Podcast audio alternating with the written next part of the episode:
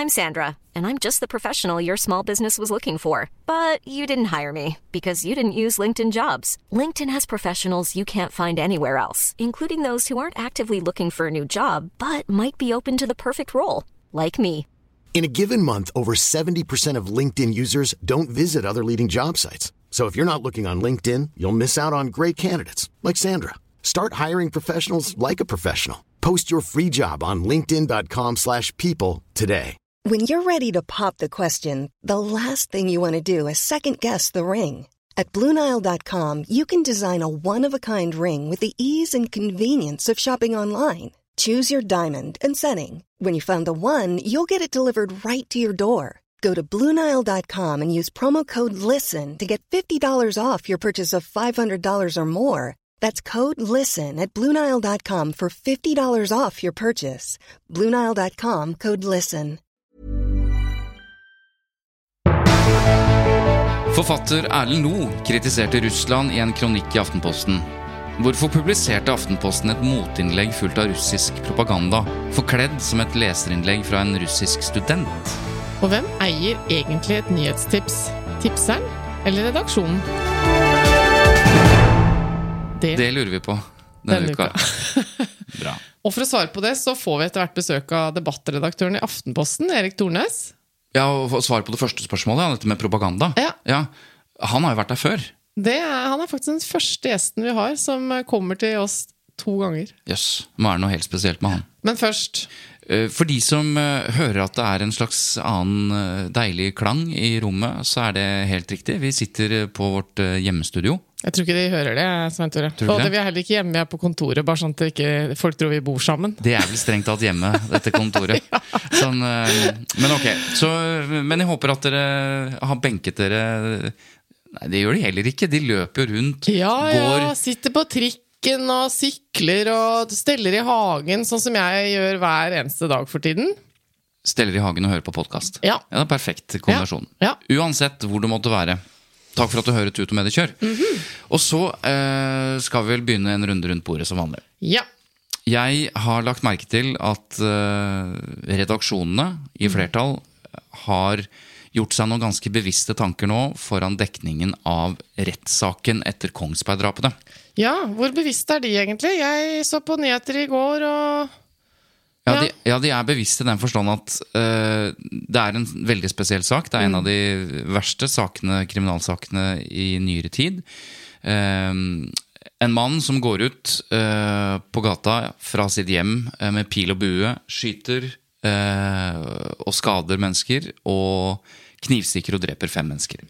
Og han eh, er jo åpenbart syk. Eh, det ble ganske eh, tidlig klart. Eh, og det at påtalemyndigheten eh, går inn for tvungen psykisk helsevern. Altså de har, det er det de prøver å få dømt han eh, til, selv om han erkjenner straffskyld. Eh, så har mediene i hvert fall tenkt at nettopp fordi at vi har å gjøre med psykiatri og en sjuk mann, så må vi være veldig nøye med hva vi videreformidler av detaljer, for dette griper jo inn i både sykdomshistorie og, og ikke minst så Ja, det har noen eh, Det får noen konsekvenser for hvordan man dekker rettssaken. Og det Ja.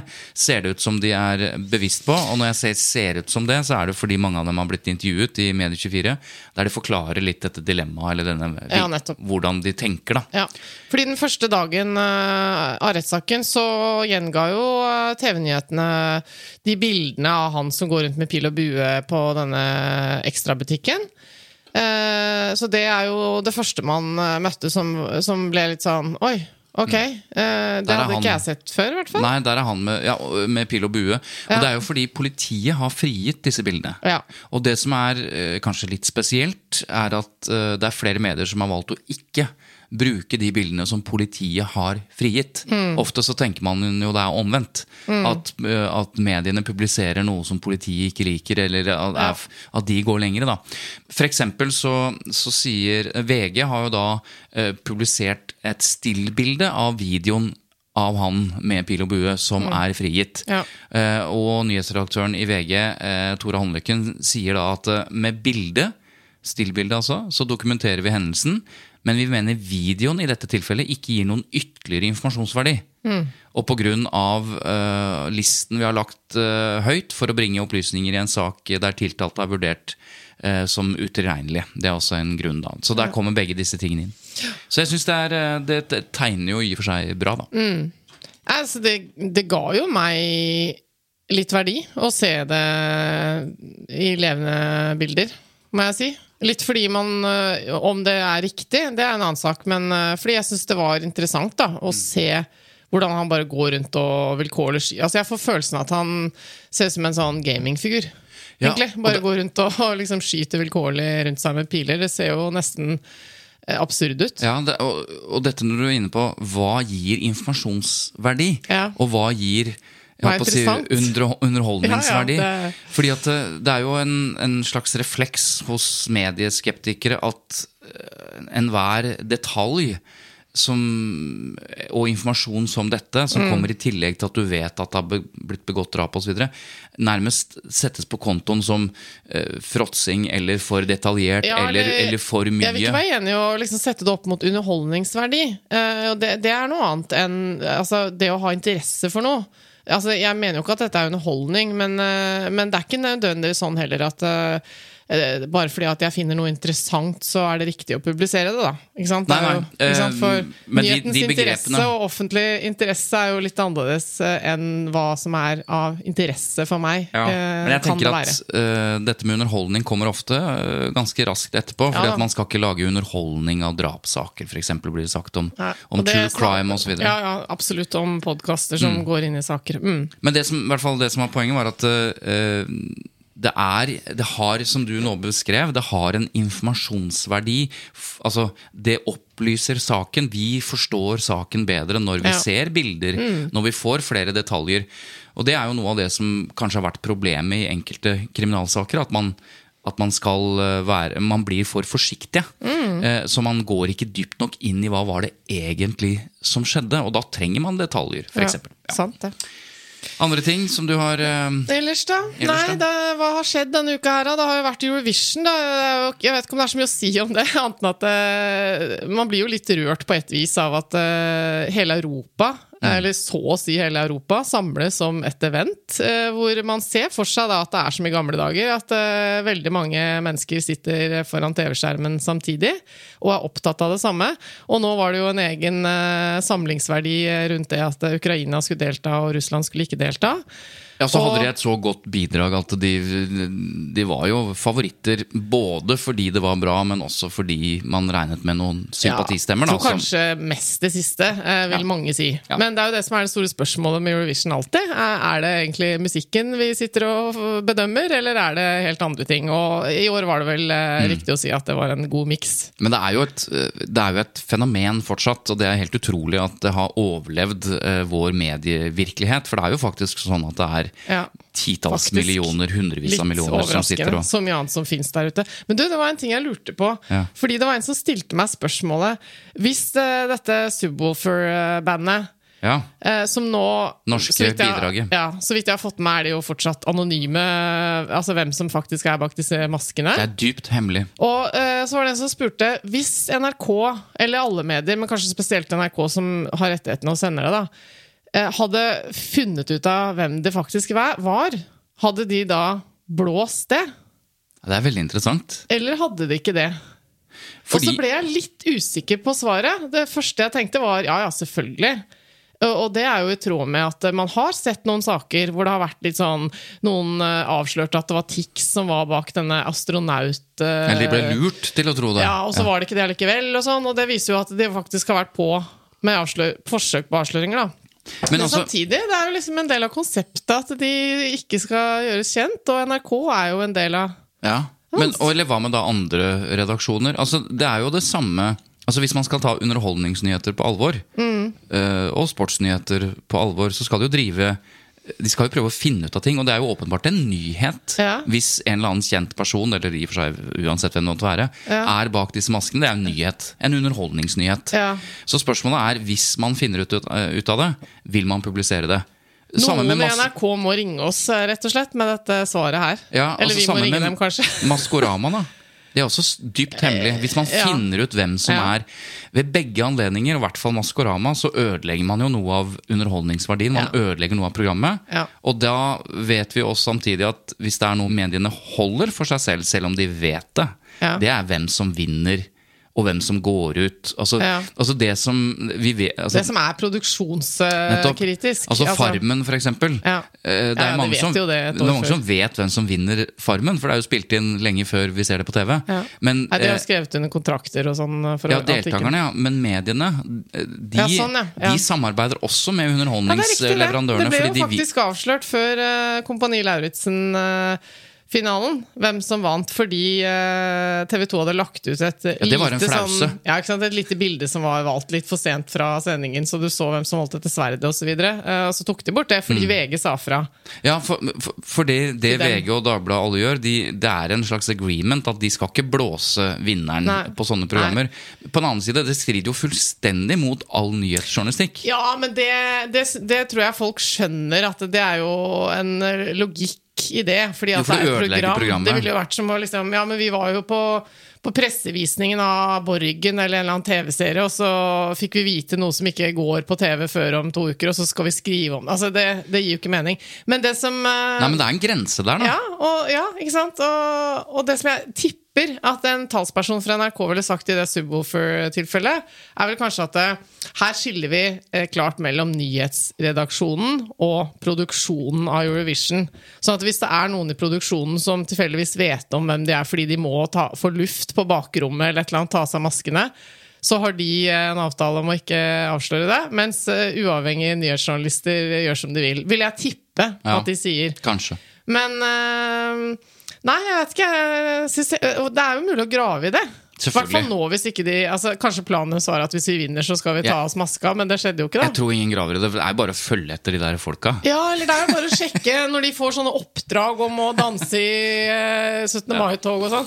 Men det er mer spennende. penger utveksles et eller annet sted. Kanskje er det mer spennende for avisene også å holde det ved like hemmeligheten, for det gir jo mer Ja, Ja, jeg vet ikke. Okay. Det, Ellers så ser jeg at, eh, at Dagbladet øker lesertallene med nær 100 000 på ett eh, år. En kjempesuksess. Dagbladet har nå 1,3 millioner digitale daglige lesere, som er en økning på 7,7 eh, Mens VG går litt grann ned. De hadde nå rekordhøyt. Fortsatt så er det jo sånn at VG har over to millioner, og neste på lista ligger nesten ja, i hvert fall 700 000 ja. under. Gahr Steiro sier at uh, grunnen er at det var så utrolig bra på akkurat uh, dette tidspunktet i fjor. Så Altså grunnen til at VG gikk ned, ja. Ja. Mm. Men eh, altså, noen kan jo si at eh, Dagbladet er litt snurte fordi vi har en tendens til å, til å kritisere dem for sine forside-clickbates osv. Mm. eh, Skjønner ikke hva du mener. Nei, men altså, det, det, de har ikke noe å frykte. Det, det at vi gjør det, har jo ingen betydning. De bare øker og øker. så det er bare å la oss holde på. eh, Dagbladet. Så, det så betyr det du sier er at klikkforsidene til Dagbladet er en suksess, Ja, og vi, altså, og vi tar hvordan ellers kan man tolke Ja, feil og feil. I hvert fall vi tar feil i forhold til folkeopinionen, da. Ja. Det, det funker å kjøre Dagbladet-style. Men det betyr ikke at det er, at det er bra. Nei, men jeg bare sier det funker Ja. kommersielt. Altså jeg mener, Uten sammenligning for øvrig, og jeg håper å si ikke til forkleinelse for, for Mats Hansen, men han vant Spellemannprisen, han. Ikke sant? Og så Eh. går det an å være liksom kverulerende på dette og si eh, jeg skulle gjerne sett tallene eh, brukket om på andre måter. Det kan jo være for eksempel at eh, hvis dette måler sidevisninger, så er jo det et tegn på at clickbates funker, dvs. Si mange går innom Dagbladet.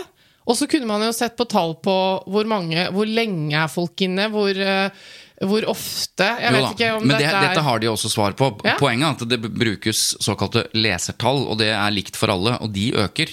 eh, Og Absolutt, så andre jeg stiller ikke disse tallene. Så, og vi skal ikke være noe smakspoliti, vi, men, men Eller Hva var det jeg sa nå? At Er det jeg, ikke det vi er? Smakspoliti? men det er ikke noe tvil om at Dagbladet vokser med sin eh, frontstrategi. Det er, det er ikke noe godt nytt eh, i mine ører. Eh, men det er klart at sånn, titlene i Dagbladet, disse korthogde titlene, disse ettårstitlene, påstandene, spørsmålstegnene med bilder som gjør at vi må åpenbart klikke for å lese. Eh, det trigger jo eh, ikke, all, ikke alle titler, men det trigger jo noe av det verste i oss. Altså denne Ja. titter og kikker og nysgjerrigheten eh, vår. Eh, og det er jo noe som er større enn Dagbladet der ute, som, eh, som er det største på internett. Det som alle klikker på. Det er porno. Så det er ikke noe sånt Det, noe, øh, det, er, det går an å Gjør alle det? Ja, alle som i gåsetegn, da. Ja, men er ikke folk redde Nå må jeg bare avsløre liksom, en tanke jeg har. Det er jo ikke en avsløring hvis du ikke ser på porno. Nei, men uh, la oss si at jeg uh, vurderte Ja. å se på noe porno. Ja. Da ville min første tanke være da, da blir jeg jo aldri kvitt pornoen. Fordi algoritmene Og cookiesen og Ja, ja. ja. Fordi at Hvis jeg en gang er inne på en av de sidene, så veit jeg jo at eh, Facebooken min, alle sosiale mediene mine, Google vil bare kjøre på med sånn reklame.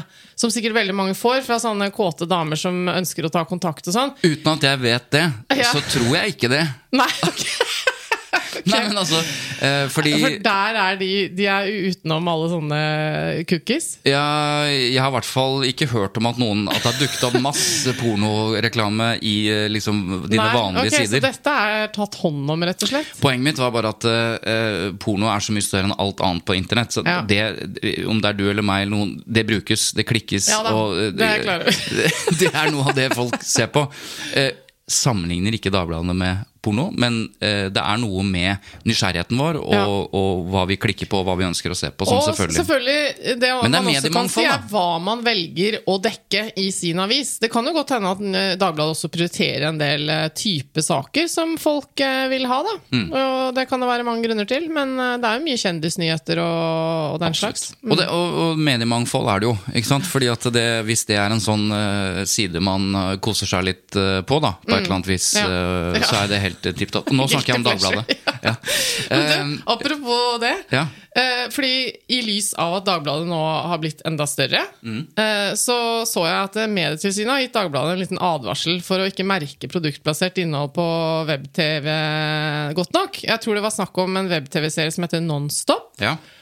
Eh, fordi Kringkastingsloven stiller jo krav om at produktplassert innhold må identifiseres på en tydelig og nøytral måte, som det heter, ved begynnelsen og slutten av et program. Sånn Ja. er det jo på TV-serien P, eh, for å bli informert om at i dette programmet så inneholder det eh, produkter som egentlig har betalt for å være i programmet. Her vil du bli utsatt for påvirkning, betyr Ja. den P-en. Her ser du en colaflaske, Ja. og noen har betalt for at den colaflaska skal være der. Det som alltid har irritert meg med det, er jo at det er liksom Altså det er sånn, eh, Bare så du vet det, så blir du nå påvirket, men du får ikke vite hva det er som prøver å påvirke deg. For det er veldig sjelden du får informasjon om hva er det som faktisk er produktplassert. Så du sitter og bruker masse energi, i hvert fall jeg, da, som er litt nerd på dette her, på å prøve å finne ut av hvor er det det er nå at noen har putta inn et plaster eller en eh, leskedrikk. Så du sitter eller... og leiter etter produkter? Ja, ja, jeg er jo litt spesiell. Men, Men nei, så var det et eller annet med at eh, det er ikke nok Altså det, Denne mm, merkingen, denne P-en, varer bare fire sekunder, eller hva det var.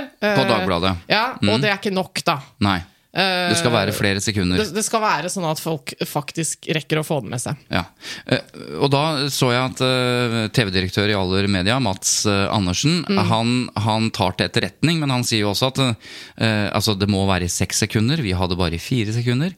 Men så sier han også at uh, hvis du har seks sekunder P i et program som bare varer i et halvt minutt eller et minutt, Ja. så blir jo den P-en stående uforholdsmessig lenge i forhold til programmets lengde. Ja. Når du har TV Sammenlignet med TV-program Ja, TV-program varer i en halvtime eller tre kvarter, og da Ja. er det P-en i seks sekunder. Det er jo veldig liten ja, Inn og ut mellom hver Jo, reklamepause, riktignok. riktignok. Ja. Det, han har jo et poeng der. ja, han har jo et poeng hvis målet er å informere så, så lite som mulig. Ja, eller hvis, Hvis jeg skal være kverulerende igjen, Ja. så mener jeg at det burde stå der hele tiden. ja, da, men da habituerer vi.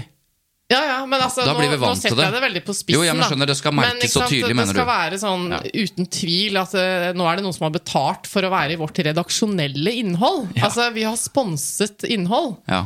Eh, Men uh, samtidig så er jo noe av poenget med produktplasseringsreglene at de ikke skal forstyrre heller.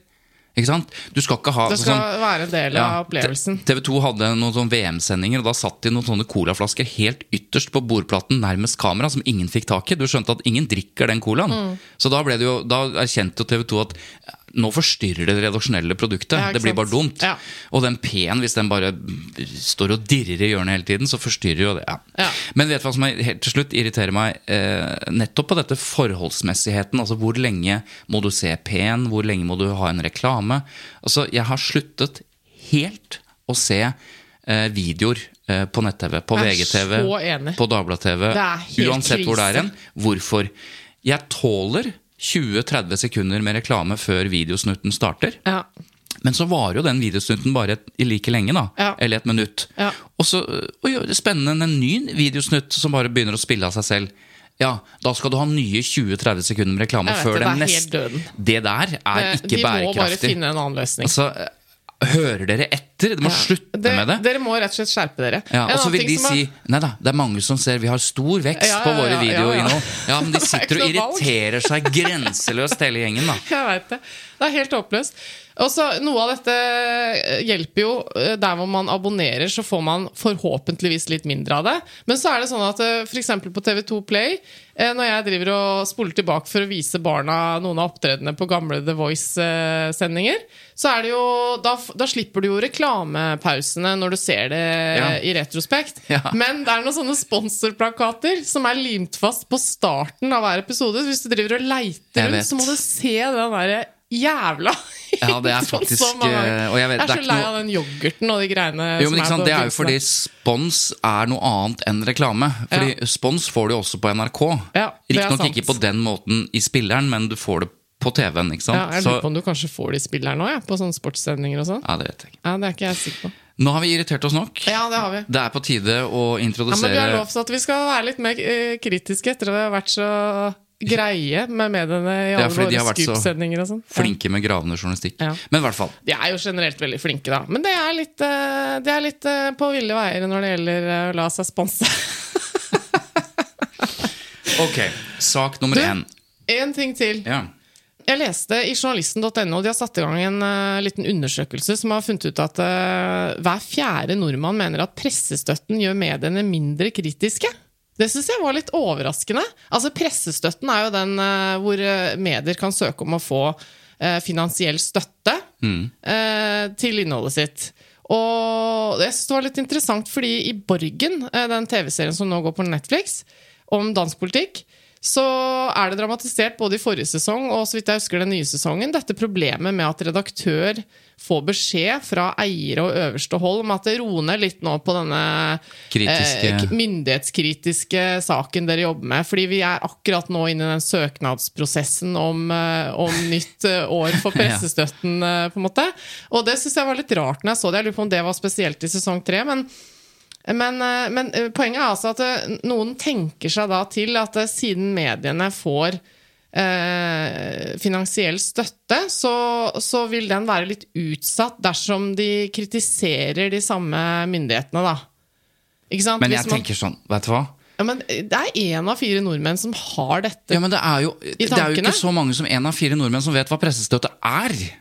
Nei, Jeg vet ikke hvordan de har Nå stilt høres jeg litt arrogant ut, men poenget er at når jeg snakker med folk, vanlige folk, vårt publikum, om presse, medier, hvordan mediemangfoldet er skrudd sammen, mediepolitikken Jeg snakker om vet du hvem som får pressestøtte, vet du hva pressestøtte er? Nei, folk vet jo ikke hva pressestøtte er. Nei, når men du- de du skjønner vite- konseptet om at man Ja, får uh... Men hvor verdifullt er det da? Du sier sånn uh, By the way, du vet det sikkert ikke, men uh, masse medier får masse penger fra staten. Masse penger!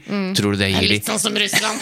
Nei, men nå vet vet jo ikke du om spørsmålene er stilt Tro, sånn, da. tror du at, du, Nå at undervurderer du de som driver med det, dette her. deltakerne har svart på spørsmålet. Tror du pressestøtten gjør norske medier mindre kritiske til myndighetene? Ja, det er et ledende lukka spørsmål. spørsmål. Det er et ledende spørsmål. Svaralternativene ja, nei, vet ikke. Det er ikke overraskende at 24% svarer ja, det tror jeg. Så her, Tut og mediekjør går ut mot spørsmålsstillingen i, eh, In, i sånne markedsundersøkelser. Ja. Eh, og nei da, det kan godt hende det ikke er noen annen måte å gjøre dette på, men poenget mitt er bare at hvis du sier at altså, med, Du opplyser om at mediene får mye penger fra myndighetene, tror du det at det kan gjøre det mindre kritiske? Mm. Er ikke overraska at en fjerdedel sier ja, det tror jeg. Mm. I, I lys av at folk er mediekritiske. Mm. Eh, og det står jo ikke helt i forhold til den tilliten man sier man har heller. Så det, ja. Ja. Men interessant, eh, for så vidt. Uansett, Nå- anyways. Nå er det sak nummer én. Vi skal jo snakke om eh, Aftenposten. Ja, altså Erlend Lo, forfatteren, skrev jo et innlegg i Aftenposten der han ja, kritiserte Russland. Øh, en slags henstilling til alle hans øh, russiske venner. Um, russiske lesere. Altså det, ja. Han er veldig populær som forfatter i Russland. Nettopp. Så det var en vennligstilt kommentar hvor han henvendte seg til ja, venner i Russland, nærmest, og hadde et par alvorsord å ja. dele med dem. Det kom et svar til Erlend Lo fra en av hans lesere. Og, og, det svaret som En av hans russiske lesere. Russiske lesere Som har uh, også bodd i Norge. Uh, Studert uh, på et norskspråklig, en norskspråklig skole i Moskva. Ja. Altså Hun er i hvert fall Hun kjenner til Norge, da, tilsynelatende. Og det var et knallhardt svar tilbake. Og så det som har skjedd nå, er jo at noen har reagert voldsomt på denne russiske studenten og hennes innlegg. Blant annet en som heter Bård Larsen, som er historiker. Det er ikke lett å være fri presse i krigstid. Selv seriøse, hardtarbeidende og eh, kildekritiske aviser kan rote seg bort når russisk propaganda prøver å finne veier inn i medielandskapet, skriver da Bård Larsen eh, fra Civita og, og Minervanett. Nettopp. Og med det så mener jeg nå at dette innlegget fra denne russiske studenten var russisk propaganda. Det var ja. ikke noe Ja. Øh, så, så, jeg ringte da denne Bård Larsen. Ja, du gjorde det? Ja, øh, Og lurte på hvorfor han mente at dette innlegget ikke burde vært publisert i Aftenposten. Først og fremst fordi at dette innlegget er skrevet av en person som vi ikke helt uh, kan bli klok på hvem er, eller altså hva den representerer. Hun uh, skriver et, uh, et uh, innlegg i en avis som framstår som rene talepunkter for, for, russisk propaganda. Det blir spesielt merkelig når vi vet at hun har tilbrakt veldig mye tid i Norge. og en del av påstandene her er rett og slett av en sånn karakter at, at de, altså det, er, de er løgnaktige. Og, og, og, virker veldig merkelig om dette her skulle vært skrevet av en, av en hvilken som helst student. Og, og, Problemet her er jo at Aftenposten eh, presenterer henne som en, en, si, en, vanlig russisk student, slik at den som leser dette her, kunne få inntrykk av at dette er på en måte eh, representativt for hva russere flest tenker, da, eller i hvert fall veldig mange russere tenker. Eh, så, så det, er, det, er det, det, er, den største innsigelsen mot, mot, å publisere noe slikt. Hadde man visst hvem dette var med sikkerhet, f.eks. En, en russisk ambassadør, så kan man hekte det på eh, kontoen for propaganda med sikkerhet. da. Men vi kan jo likevel gjøre oss opp en mening om dette innlegget. Og vi ser jo når vi leser det, at når hun mener at det er et nærmest trangere ytringsrom i Norge enn i Russland, så faller jo det for de fleste av oss på sin egen urimelighet. Hva, hva, hva, er det som gjør at man ikke bare kan ta dette og så gjøre seg opp en mening, og heller bare plassere det i den haugen det hører hjemme, da, hvis, hvis, det, er, hvis det er et propagandainnlegg? Jo, jo, det er fordi altså, Nå tror ikke jeg at dette innlegget kommer til å uh, det, det, fører ikke til at uh, norske lesere forgår i uvitenhet og, og, og blir ført bak lyset. Men jeg tror det er klokt å tenke litt eh, både prinsipielt og, og, og, strategisk over hvordan du skal forholde deg til eh, det som er russisk informasjonskrig. Mm. Uh, og Derfor bør man være kritisk til å publisere slike innlegg. Formålet med, med, den russiske propagandakrigen eller, eller informasjonskrigen, det er å for det første forvirre, eh, og det vil alltid være noen lesere som lar seg forvirre.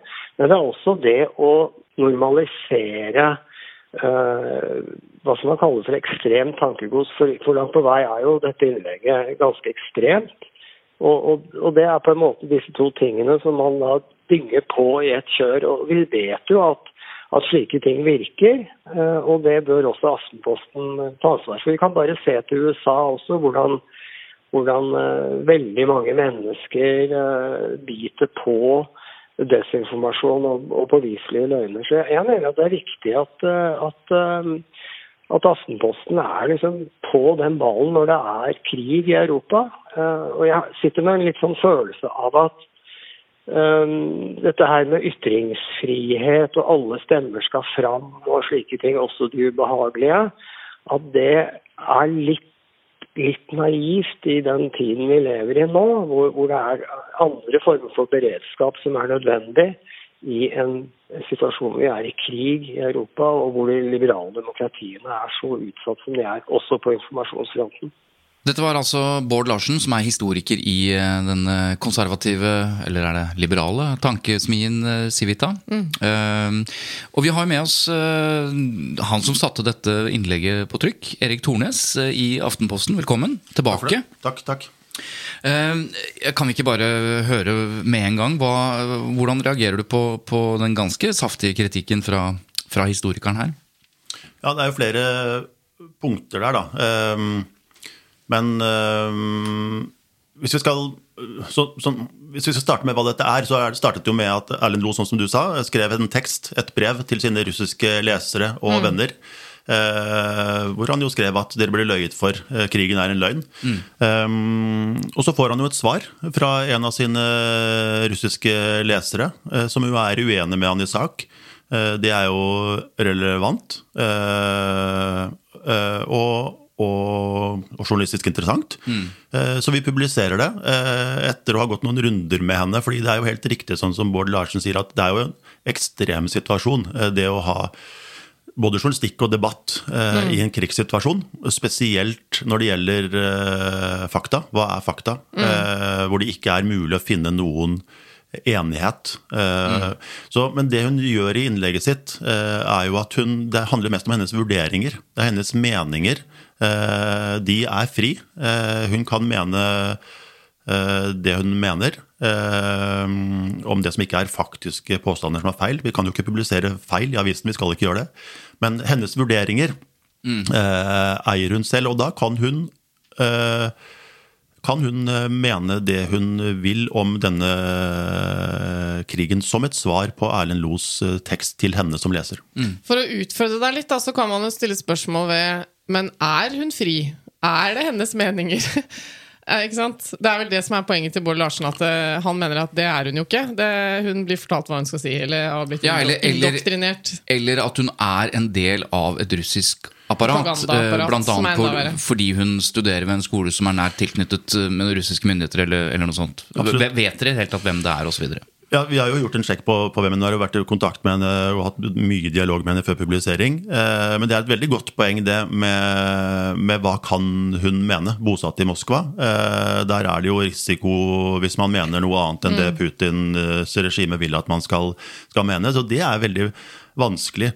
Samtidig så vil det jo også være eh, prinsipielt vanskelig dersom vi eh, vestlige medier eh, kun skal publisere meninger fra russere som ikke mener det Putin mener. Altså NRK og andre vestlige medier melder jo at det er vel omtrent jeg tror 70 er det tallet som brukes, rundt 70% oppslutning om Putins eh, linje, Putins krig. Mm. Eh, så det er mange russere mm. som mener eh, mye av det samme eh, som det Putin gjør. Så det er ikke i og for seg overraskende at, at eh, noen mener det som, eh, mm. som den skribent mener. Men kan jeg bare spørre, altså, eh, Det er eh, mer enn antydninger her, eller spekulasjoner fra historiker eh, Bård Larsen om at hun er noen annen enn det hun fremstår som. Dere presenterer henne som en student som har tilknytning til Norge, Russland. Det høres tilforlatelig ut, og det at hun mener det samme som Russland, enten hun ikke tør noe annet eller, eller, eller faktisk mener det, det, det er nå én ting. Men insinuasjonene er at hun faktisk er en del av propagandaapparatet. Og da er spørsmålet eh, hvordan ville dere vurdert den teksten? hvis det, hvis det, kom for en dag at hun faktisk var en del av det russiske propagandaapparatet, og ikke bare en student. Hvordan ville dere vurdert teksten da? Hvis vi hadde visst det i forkant? Mm. Ja, det, det, blir litt hypotetisk, men det som dette handler om, det som jo Bård Larsen har rett i, er jo at eh, konteksten er viktig for leseren. Det er viktig å fortelle leseren mm. hva er det vi vet om denne skribenten. Og Det kan man alltid diskutere. Kunne det vært mer informasjon om henne? Kunne vi vært eh, mer presise på noe punkt? Det kan, det kan godt hende.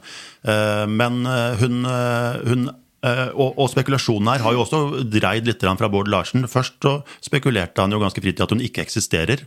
At hun ikke mm. uh, er en person. Det hadde jo vi selvsagt sjekket. Det skulle bare mangle.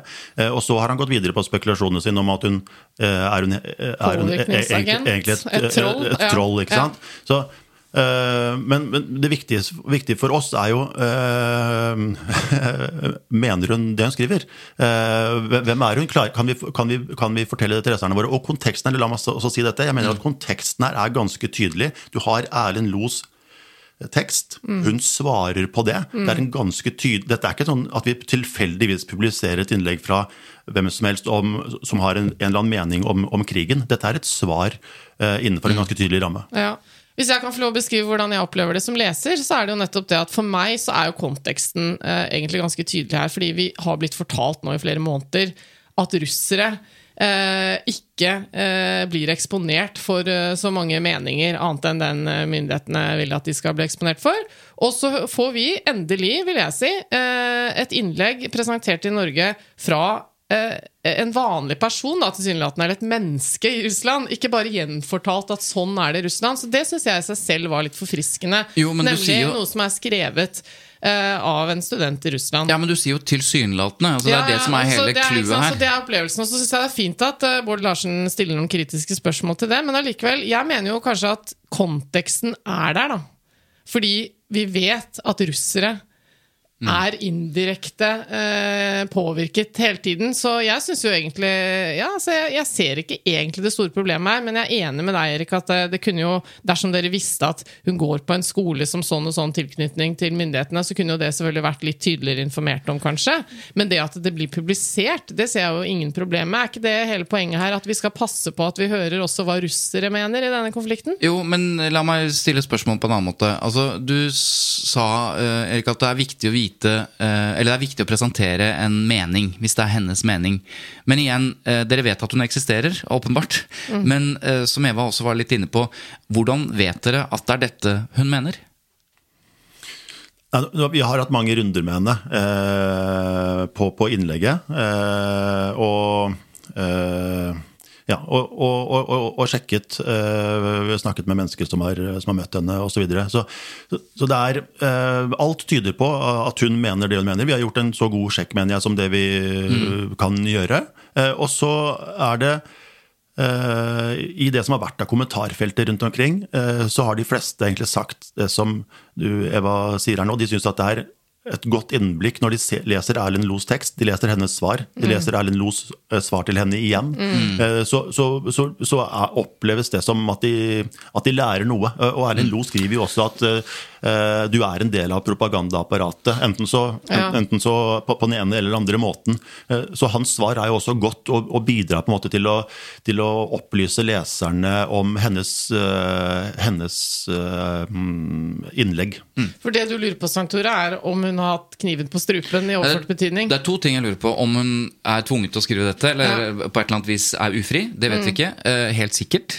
Eller om hun er en del, som jeg sa i stad, er en del av propagandamaskineriet til Russland. Altså har så nær tilknytning til russiske myndigheter at hun rett og slett bare skriver dette på oppdrag fra russiske myndigheter. Og da er vi til sluttpoenget til uh, Bård Larsen, som handler om at vi må ikke være naive i en krig som føres på denne fronten informasjonskrigen, så må vi Vi kan ikke eh, liksom vi kan ikke holde oss med en ytringsfrihet eller en, eller en publisistisk eh, eh, praksis som gjør at vi slipper på en måte alle stemmer til, fordi vi vet hvor skadelig propaganda er. Vi har sett det med Trump, vi har sett det med Putin. Så i det lyset der så bør jo i hvert fall, og jeg bare tar med før jeg stiller spørsmålet, at NRK ble jo felt i PFU for russisk propagandaformidling fordi de slapp til en talsmann for, for de russiskstøttede separatistene som uttalte seg om hvordan han mener Dette var før krigen han mener at ukrainsk, eh, ukrainskstøttede militsgrupper opererer på egen hånd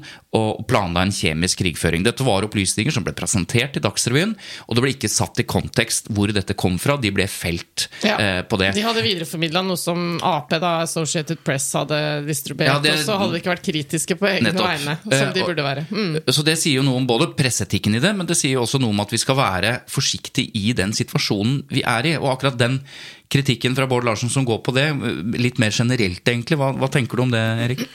Til den sammenligningen med NRK-saken så syns jeg ikke den, den ligner helt. fordi... Det var min sammenligning, Ja, altså. ja, ja. Men Bård Larsen har også brukt den. Oh, ja, ok. Men, øh, men øh, fordi det handlet om der, var jo at NRK ikke fortalte leserne, seerne sine hvor, hvor kommer disse TV-bildene fra. Mm. Sant?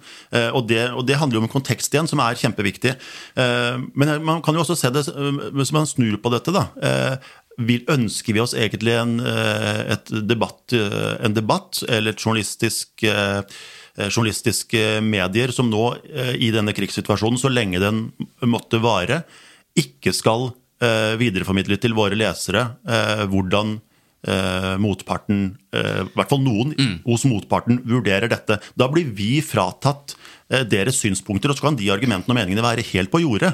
Men vi må i hvert fall vite om dem, og Jeg det, det er- tror jeg vi får med innlegg som dette. Jeg er veldig enig med deg i akkurat det. Og det er, vi kan jo snu på det, som du sier, i denne situasjonen også. Og se for oss at uh, denne russiske studenten uh, ønsket å svare, sendte et svar til dere. Uh, dere avviste det eh, med den begrunnelsen som noen antyder at dere burde eh, hatt.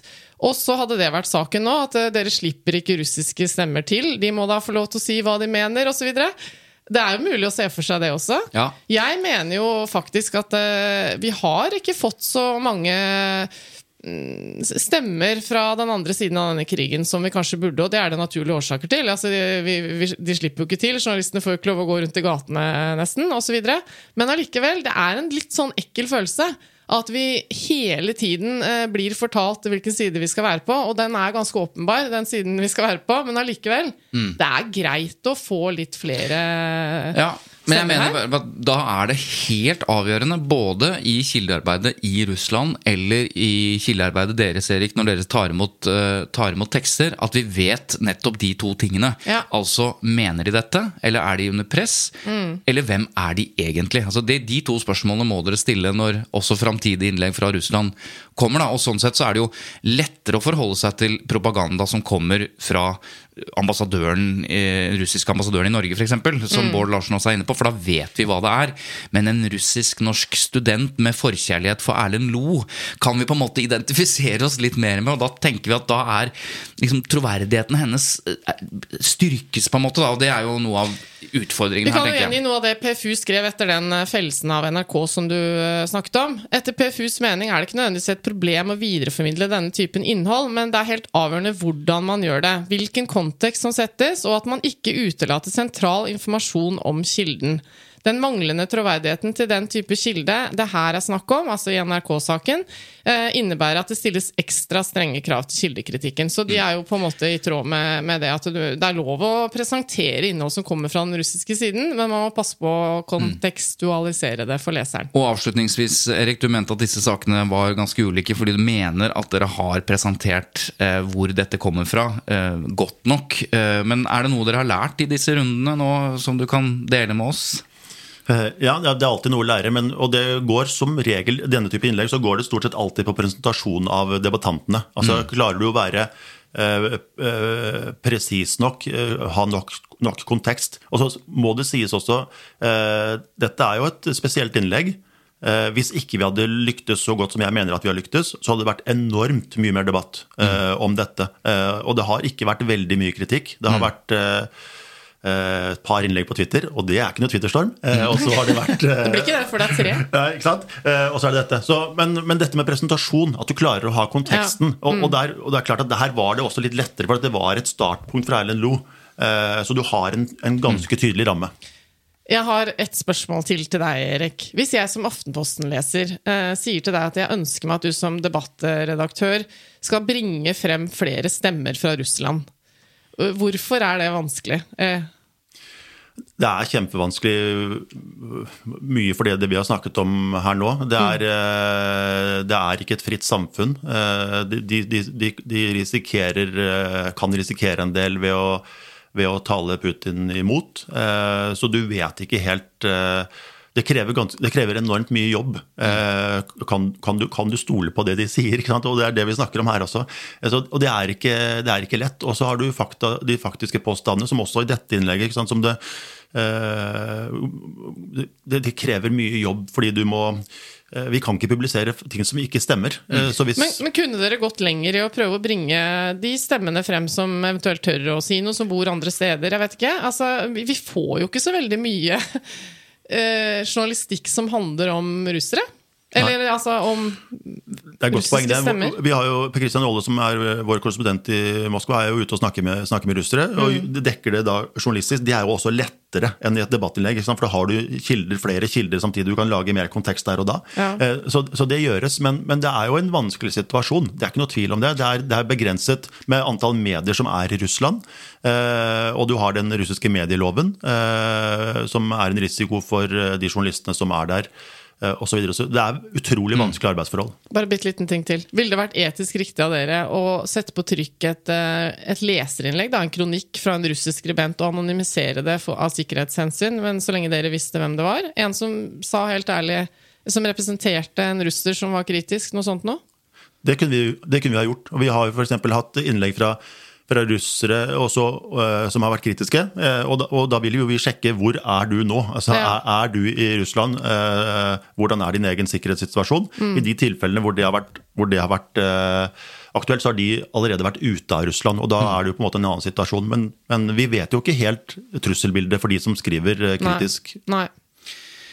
Det var vår runde om, om Russland og propaganda eller ikke. Og Erik Tornes, som er ansvarlig for da debattflaten eller, eh, i Aftenposten. Eh, enten det er kronikker, debatter, innlegg, replikker, eh, hva det måtte være. Som skrives. Eh, men heng med, for vi skal besvare noen eh, lyttespørsmål helt til slutten. Ja, det var interessant eh, hva, om, om, hva du hører. Vi skal ett, ja. Ja. Ja, okay. Fordi du har dårlig tid? Eh, det er helt riktig, det. Så du på kroppsspråket mitt? Ja. Jeg kjenner deg ganske godt, skjønner du. Ok, spørsmålet lyder som følger. Hei Tut. Jeg lurer på hvem som eier et tips. Er det den enkelte journalist, redaksjon eller avis? Jeg skjønte nesten ikke spørsmålet da Nei, det kom. fordi Da jeg leste det for deg, så lurte du på om, eh, om eh, lytteren mente er det, er det tipseren som eier sitt eget tips. Uh, og, da, og da tenkte i hvert fall jeg at ja, men det, altså, når du har sendt et tips, så har du mista kontrollen. så har du gitt det fra deg. du kan ikke da liksom ei, Nei, jeg, jeg trekker det tilbake, sånn som du kan når du medvirker i en Ja. journalistisk sak, f.eks. Nei, så du mener om det er journalisten som eier tipset, eller Jeg tror redaksjonen lytteren han lurer er på liksom, det, Hvis jeg ringer til, en, til Erik, da Nå er ikke han uh, nyhetsjournalist, men uh, hvis jeg ringer- så Ja. Hvis jeg ringer til Erik og sier jeg har et veldig juicy tips, men, uh, men jeg vil bare at du eh, skal dekke dette, hvis ikke så liksom Ja.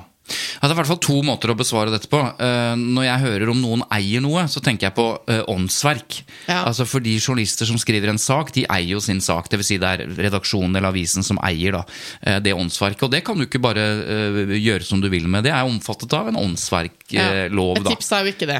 Men et tips er jo ikke det. Men, men andre måten å svare på dette på, når du sier det på den måten, hvis du sier til Erik at det er bare du som skal ha det, så handler dette her om kilder Ja. og kildevern.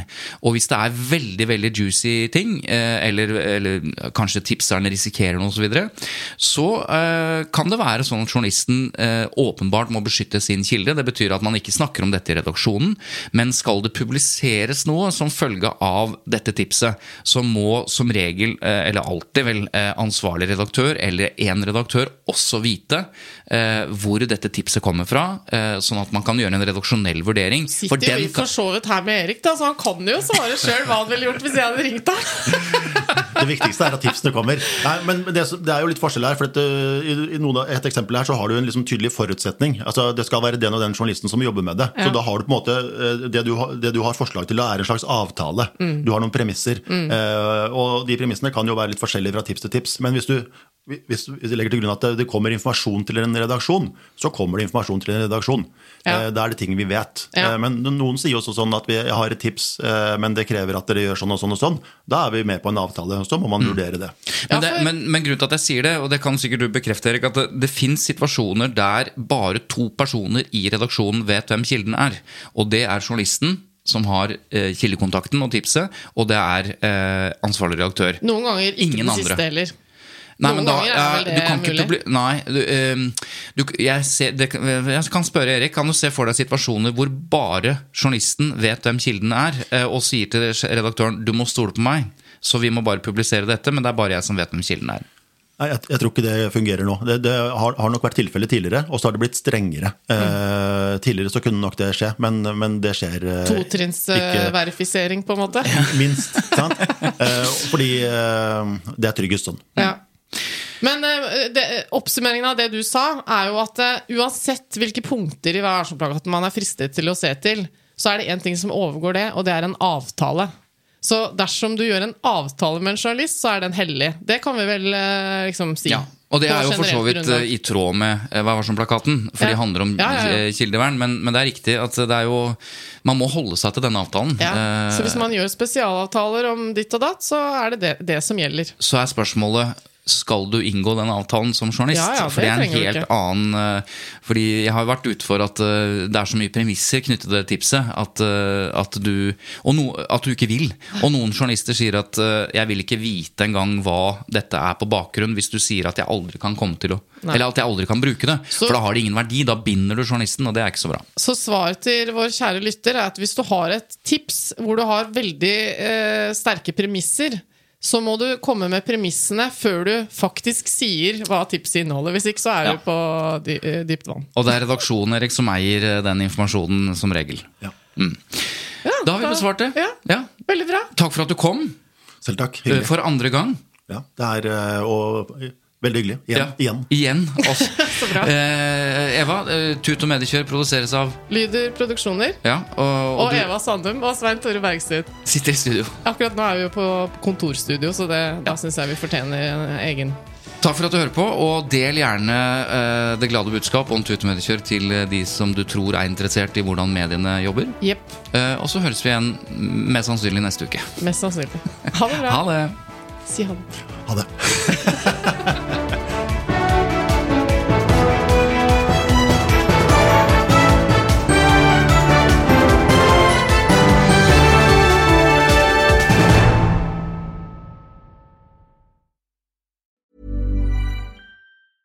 A lot can happen in the next three years. Like a chatbot may be your new best friend. But what won't change? Needing health insurance. United Healthcare Tri Term Medical Plans are available for these changing times.